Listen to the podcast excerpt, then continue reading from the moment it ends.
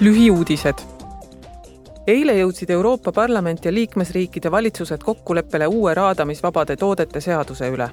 kliimamuutuste ja elurikkuse vähenemise pidurdamiseks kohustab seadus ettevõtteid tagama, et Euroopa Liidus müüdavad tooted ei pärineks raadatud maalt kusagil maailmas.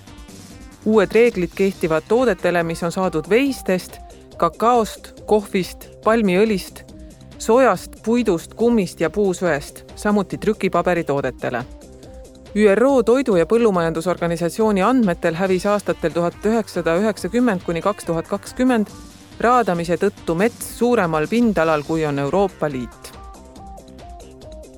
eile toimus Brüsselis Euroopa noorteaasta kaks tuhat kakskümmend kaks lõpuüritus. lõppkonverentsi korraldasid Euroopa Parlament, nõukogu eesistujariik Tšehhi ja Euroopa Komisjon.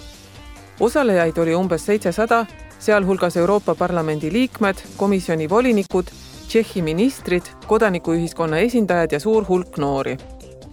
toimusid haridust ja vaimset tervist käsitlevad arutelud, kohtuti Euroopa Liidu otsustajatega ja räägiti aasta saavutustest.